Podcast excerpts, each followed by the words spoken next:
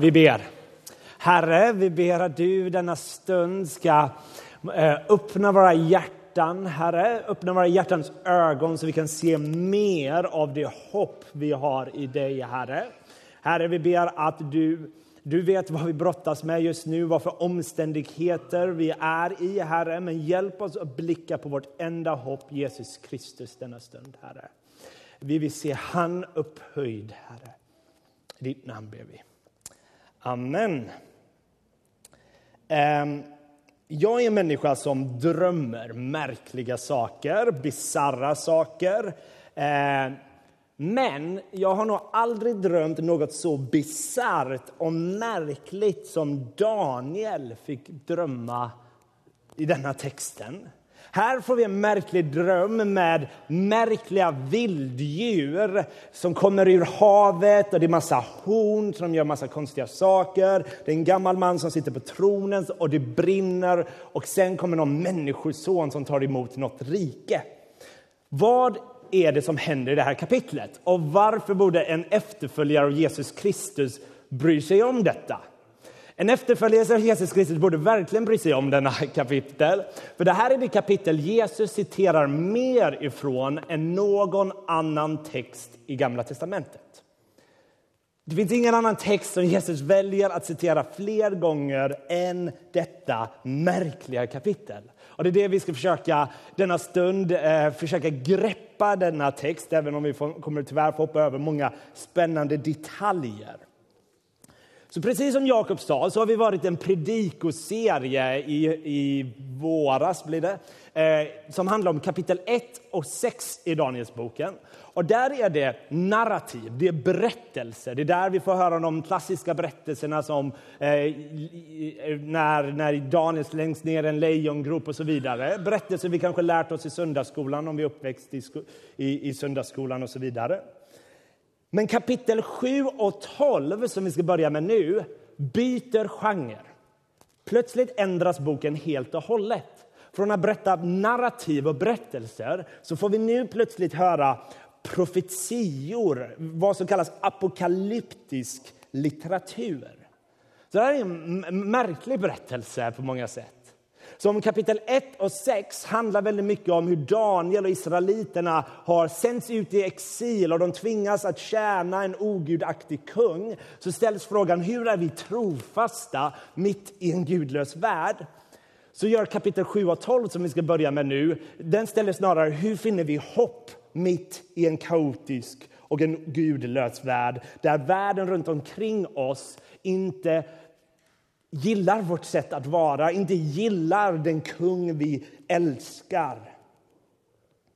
Och Det är vad jag tror den här texten vill bjuda in oss till. Ett hopp, ett mäktigt hopp mitt i mörkret. Så, låt mig bara kort gå igenom texten och sen ska jag försöka se vad den här texten säger till oss idag. Vers 1-8 är en syn där fyra vilddjur kommer ur havet och de gör massa hemska saker. De är kaotiska, de är onda. Senare i kapitel 7 beskrivs dessa vilddjur att vara olika riken. Att varenda, varje vilddjur representerar ett rike. Och vi använder fortfarande idag djur som ett sätt att representera riken. Björn representerar ofta Ryssland, örn ofta USA och så vidare. Och de, eh, så det är inget nytt. Och inom teologi har det skrivits en hel del om hur man ska identifiera dessa fyra nationer. Och jag kommer inte lägga jättemycket tid på detta. Eh, det finns ungefär två olika sätt att se på detta. Jag kommer bara snabbt säga vad jag är ganska övertygad över. Och den som vill veta mer kan komma fram till mig och prata. Eh, Även om jag skulle ha haft fel med exakta nationerna här så kommer slutsatsen vara exakt samma. Så låt mig bara kort ge en crash course i, i historia. Så om ni inte gillar historia, vänta två minuter så, så blir det bra. Första riket beskrivs som ett lejon med örnvingar. Och nästan alla teologer är ense om att det här är Babylon. Jag tror vi kommer få en liten bild på Babylon. Där såg, såg Babylon ut vid den här tiden.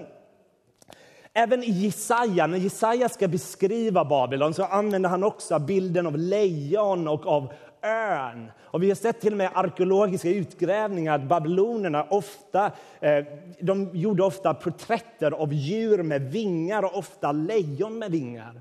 Och faktum är Turkiet, som, nej, Irak som är det moderna eh, eh Babylon har faktiskt det fortfarande som en symbol. Så det här är det rike som Daniel bor i när han får den här drömmen. Nästa rike är förmodligen Medien Persien. Eh, det är det rike som tog över Babylon. Och det får man läsa om lite i Daniel 5 och lite i Daniel 6. Det blev ännu större rike. Och det var en av de, eh, de hade en av de största arméer som antiken någonsin har sett. Så det var två riken som hade eh, blivit ett rike tillsammans. Så det är därför jag tror det beskrivs som en björn som står på ena sidan, när det är en större tyngd på ena sidan istället för den andra. För Persien var mycket större än Medien. Tredje riket är en snabb leopard som jag tror väldigt eh, tydligt är Grekland. Och det var Alexander den store som tog över eh, Medien Persien.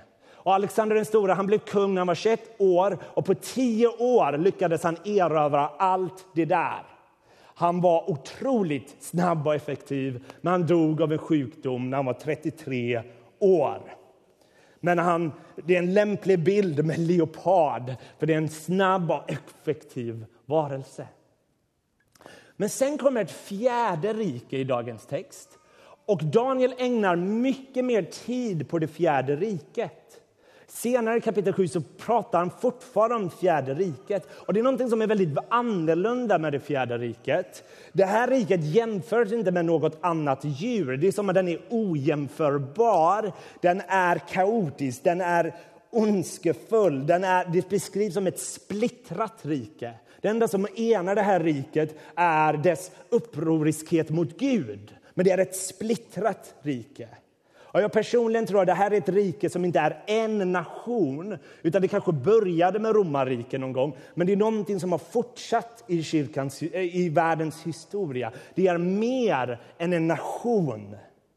Jag tror det är där vi ser nationer, system, regeringar, världssyner, filosofier, ideologier som representerar något som är i uppror mot Gud. Då tror jag vi ser odjurets fingeravtryck i världen. Och vad apokalyptisk litteratur försöker göra är att den försöker visa hur världen ser ut ifrån himmelens perspektiv. Från jordens perspektiv ser dessa riken mäktiga ut, ståtliga, de ser eviga ut, de ser ostoppbara ut. Men från himlens perspektiv är de vilddjur och deras tid är kort. De kommer inte regera i all evighet. Deras tid är bestämd och deras tid är kort. Så jag tror att Daniel 7 är ett kapitel som försöker säga att ondskan kommer inte kunna ha det sista ordet. För när Daniel kollar på dessa odjur så har han kollat vad som har hänt på jorden, står det. Och plötsligt börjar han blicka upp till himlen. För han måste ställt sig frågan, om världen är fylld med så här många odjur, vad ska hända? Kommer det någonsin vara ett stopp på detta? Han blickar upp till himlen och får sitt svar. Han ser en gammal man på en tron med vitt hår. Han kallas Gamle av dagar, som är Gud, Fadern i sin helighet. Han sätter sig på en mäktig tron. Det står att hans tron var av eldslågor och dess hjul av flammande eld. Och Det står att han sätter sig på tronen och han dömer vilddjuren så att vilddjuren inte längre ska få härja. Och här förändras allt. För när vi tittar ut i världen kan det se ut som att Gud inte sitter på tronen. Det kan se ut som att Gud är inte i kontroll. Och Daniel 7 säger att så är inte fallet. Det ser bara ut så. Men inget jordiskt rike kommer någonsin kunna ha det sista ordet. Att alla dessa riken är maktlösa i jämförelse med Gud. Så det står att han dömer dessa vilddjur. Och I Bibeln är Guds dom goda nyheter. Idag är det väldigt många som hånar tanken om att Gud är en domare. Hur kan han vara det om han är kärleksfull, säger folk. Men Bibeln insisterar på, och Jesus själv insisterar på att Gud han är en domare. Han är en kärleksfull domare, han är en barmhärtig domare. Man är en domare, och att det är goda nyheter. För hur kommer världen se ut om ingen tar ifrån vilddjuren deras troner? Självklart är eh, domen dåliga nyheter för dem som vill hålla fast vid sin rebelliskhet mot Gud och inte vill ta emot de goda nyheterna. Men det är otroligt goda nyheter för Guds folk och för denna värld. För det betyder att ondskan ska, sättas, eh, ondskan ska ha ett slut. Gud ska sätta allting till rätta och Gud kommer inte tillåta något helvete på jorden. Att ondskan ska tystas och ondskan måste stå till svars. Och att Gud har bestämt en tid där ondskan ska en gång för alla göras upp med. Och tills dess så bjuder han in oss till omvändelse, till förlåtelse, till försoning, till återupprättelse, till liv. Han bjuder in oss in i hans famnar. För att Gud ska en dag inte låta ondskan ha något inflytande i, sitt, i sin skapelse. Och Gud skall torka bort alla tårar.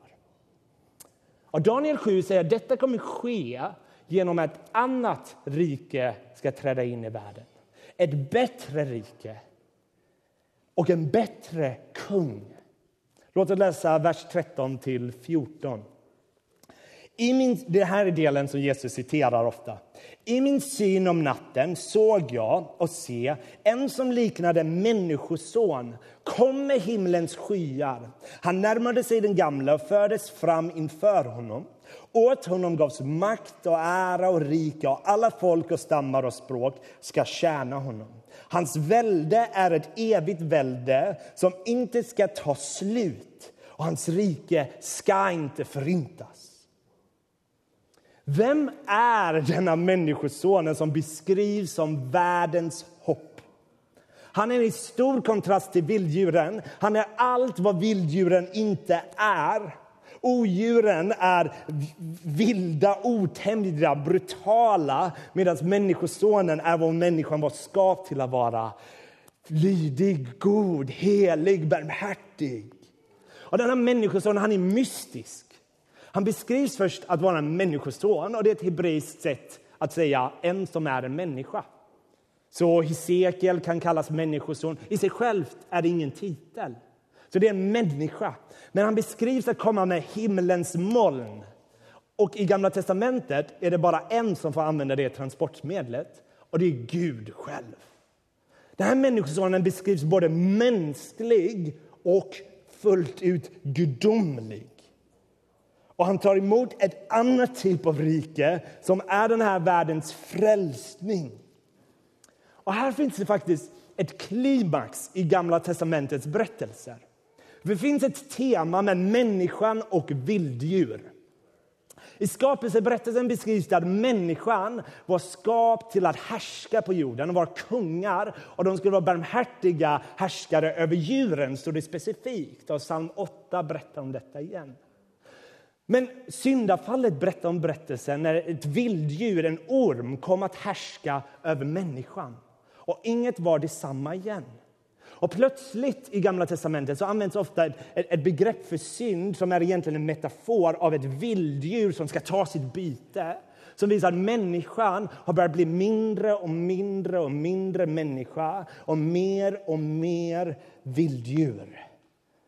Men Gud lovade Adam och Eva att det ska en dag komma en räddare som ska krossa ormens huvud, krossa vilddjurets huvud. Och han ska själv ge sitt liv när han gör detta.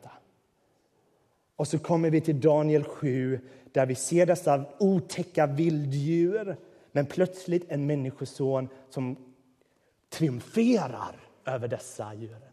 Han kommer med rike som trumfar dem. Och faktum är, om man har läst Danielboken noggrant så har man redan sett en, för, en skugga av detta. Jag tror att personen Daniel är en förebild av Människosonen. Ta kapitel 6, det kändaste kapitlet med Daniel i lejongropen eh, som kommer på bild här. Som jag tror är en förgestalt, en skugga för en människoson som kommer ner till vildjorden och de tämjs och de rör inte honom. Så vem är denna människoson? Jag tror att de flesta anar vem det är. Men ett gäng sekel efter Danielsboken så stod en man inför en domstol. Och han skulle dömas, för den judiska religiösa eliten tyckte han betedde sig för mycket som ett vilddjur. För märklig, för han härjade runt på ett sätt de inte tolererade. Och då står det i Markus 14 så här. Då ställde sig översteprästen ännu en fråga. Är du Messias, den välsignades son? Jesus svarade, det är jag. Och ni ska få se Människosonen sitta på maktens högra sida och komma med himlens moln. Jesus Kristus är den efterlängtade Människosonen. Han som är fullkomligt Gud, han som är fullkomligt människa. Och han har kommit med det rike vi har längtat efter. Det rike som ska sätta stopp på odjurets eh, eh regerande. För att Jesus Kristus är kung. Men han är en annorlunda kung. När han vandrade på jorden så var hans härlighet dold för många. Många tittade på honom och såg inget härligt med honom. De gjorde allt vad han inte borde göra. Han åt middagar med prostituerade, delade gemenskap med skatteindrivare slösade tid att välsigna barn när han borde göra något politiskt uppror med Rom. Han helade nobodies istället för att prata med de viktiga personerna. Och så blev han uppspikad på ett kors och man ställde sig frågan hur kan han vara kung? Men Bibeln paradoxalt menar att det är just vid det tillfället som han förhärligas. För de som kollade närmare såg någonting annat med denna Jesus.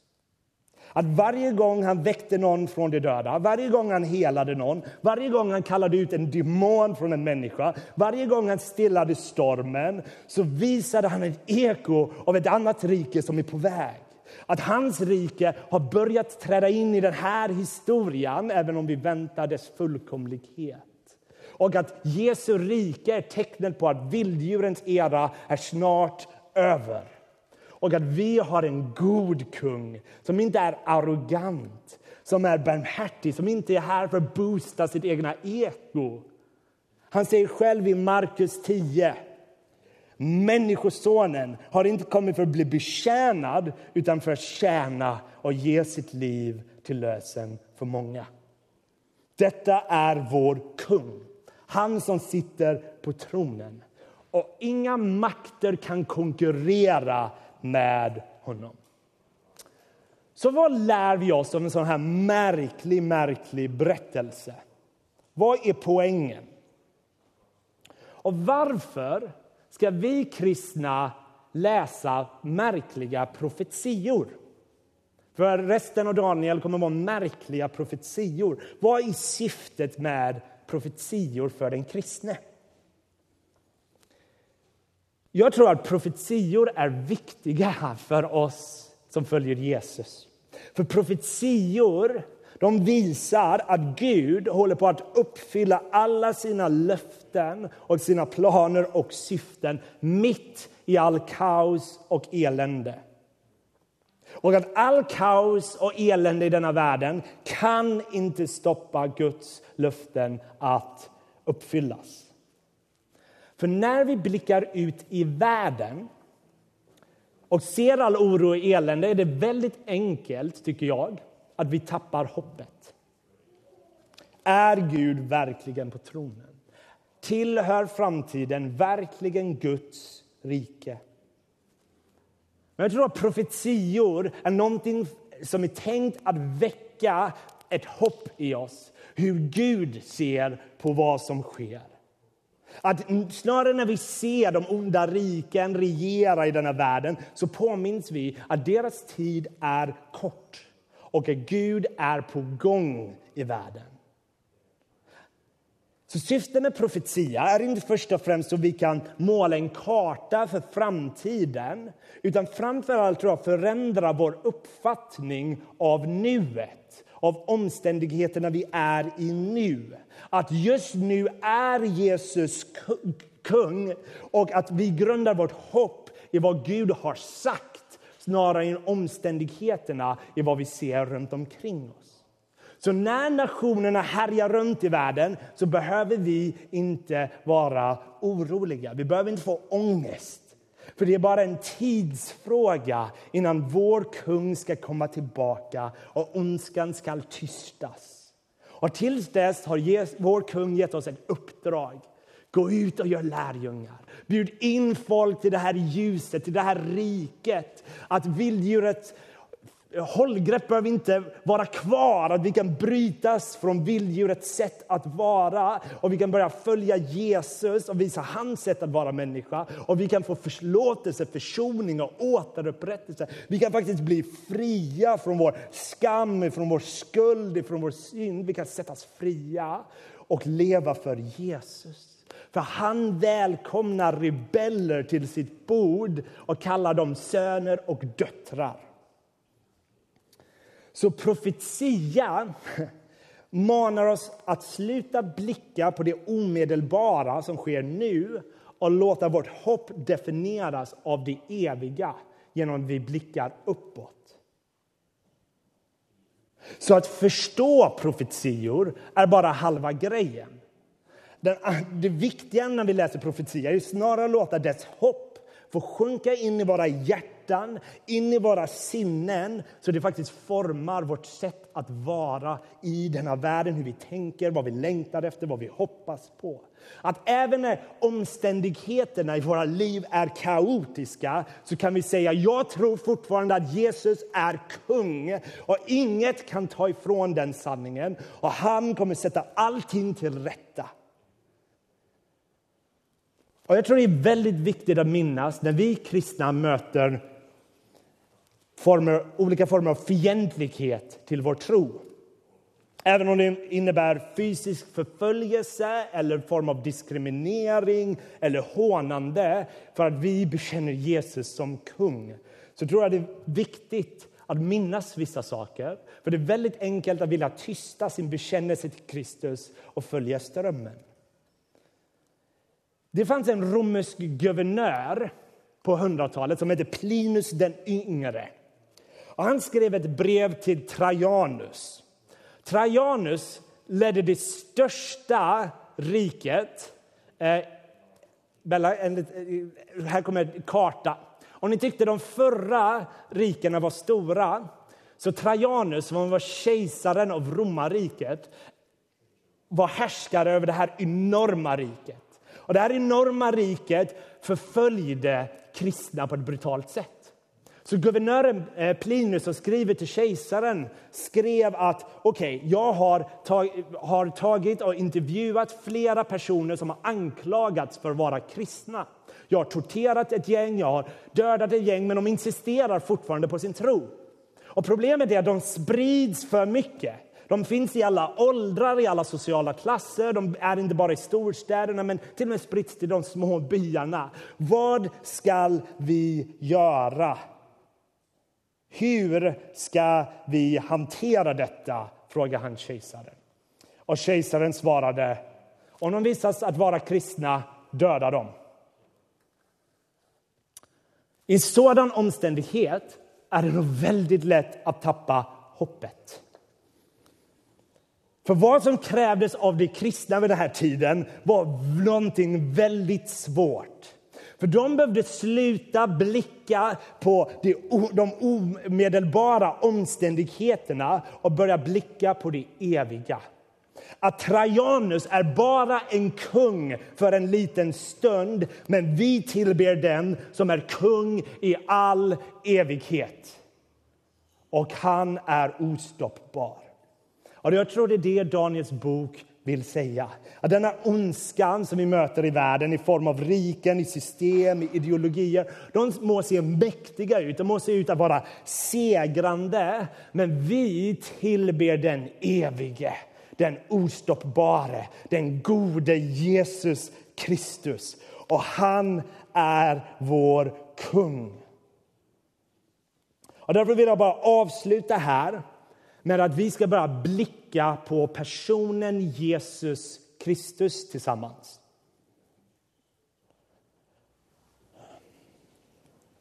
För jag tror att det är viktigt att minnas när livet är tufft, när livet är kaotiskt att Jesus är vårt enda hopp och att vi väljer att blicka på honom. Om du brottas med skam, kolla på Jesus. Om du brottas med rädsla, kolla på Jesus. Om du brottas med ängslan, kolla på Jesus. Om du brottas med skuld, kom till Jesus. För han är god, han är barmhärtig och han är nådefull. Och Jesus står över allt. Han är större än våra rädslor, han är större än våra brottningskamper. För Jesus är kung. Och han är den som kan stilla stormen. Så de sista orden, jag kommer bara ta en två minuter här, att bara säga vem Jesus är så att vi kan ta bort blicken från, från kaoset en liten stund och kolla på vårt enda hopp, Jesus Kristus. Så bara ta emot Jesus Kristus denna sekund här, de här två sista minuterna, när vi bara vill vända vår blick från det omedelbara och blicka på vår kung. För jag tror den viktigaste frågan vi kan ställa är vad tänker vi kring personen Jesus? Och jag vill säga några grejer om det. Att Jesus är början och slutet, den första och den sista. Han är alfa och omega. Att om vi föreställer oss universums bredd som känns som oändlig, som evig, som har triljoner av, av gigantiska eh, solar och stjärnor som brinner mer intensivt än, än solen, som vi tycker är ganska varm. Då kan det vara en väldigt hisnande att tänka på alla dessa magnifika konstellationer. Men de grejerna som verkar eviga, de är begränsade och kan inte jämföras jämföras med Jesu Kristi kärlek. Hans kärlek, hans nåd är outtömlig. Den kan inte ta slut. I all evighet kommer vi kunna hänga med Jesus och upptäcka något nytt varje dag. För det går inte att ha tråkigt med denna guden. För Jesus är livets bröd, han är världens ljus, Han är judarnas konung, han är världens härskare. Jesus är den gode heden, den, han är den fantastiske heden. Han är vägen, han är sanningen, han är livet, han är uppståndelsen. Han är världens hopp hopp. Han är ditt enda hopp. Han är mitt enda hopp. Han är den enda grund som denna kyrkan är byggd på. För Jesus är den vackra, han är den helige. Det finns ingen fläck i denna Kristus. Ingen mörker, ingen gråzon. Han är genom god, genom vacker. Inget att gömma, inget att dölja, för allt är vackert med denna Kristus. Han värmer, han ger liv, han är ren, han har ingen kila. Jesus är kungarnas kung, herrarnas herre. Han är majestätisk. Alla kungariken och alla kungar tillsammans kan inte jämföras med Jesus Kristus fötter ens. Alla andemakter fruktar hans namn och all mörker viker undan när han träder in. Han är universums mål, det är genom honom allt blev till och det är till honom som allt blev till. Jesus är världens domare. Han ska komma tillbaka och döma de levande och de döda. Och ingen, ingen kommer kunna säga att orättvisa har skett. Men hans domar är goda och barmhärtiga. Och han bjuder in rebeller att ta del av hans liv och kallar dem söner och döttrar. Jesus är mäktig. Han har uppfyllt varenda löfte han har gett. Du kan inte fälla en enda dom mot honom. Jesus är mäktig och vi kan inte kontrollera honom. Han är i kontroll och bara med ord kan han befalla de döda att väckas till liv. Vilken auktoritet att med bara ord kunna befalla det som är dött att bli till liv. Och det är han som folk från alla stammar, nationer och språk jublar varje dag. Det är han som myriader och myriader av änglar jublar inför varje dag. Det är Jesus som är evangeliet, det är Jesus som är de goda nyheterna. Det är Jesus Kristus och han är närvarande i det här rummet just nu. Han är här. Och han är värdig vår lov och vår pris.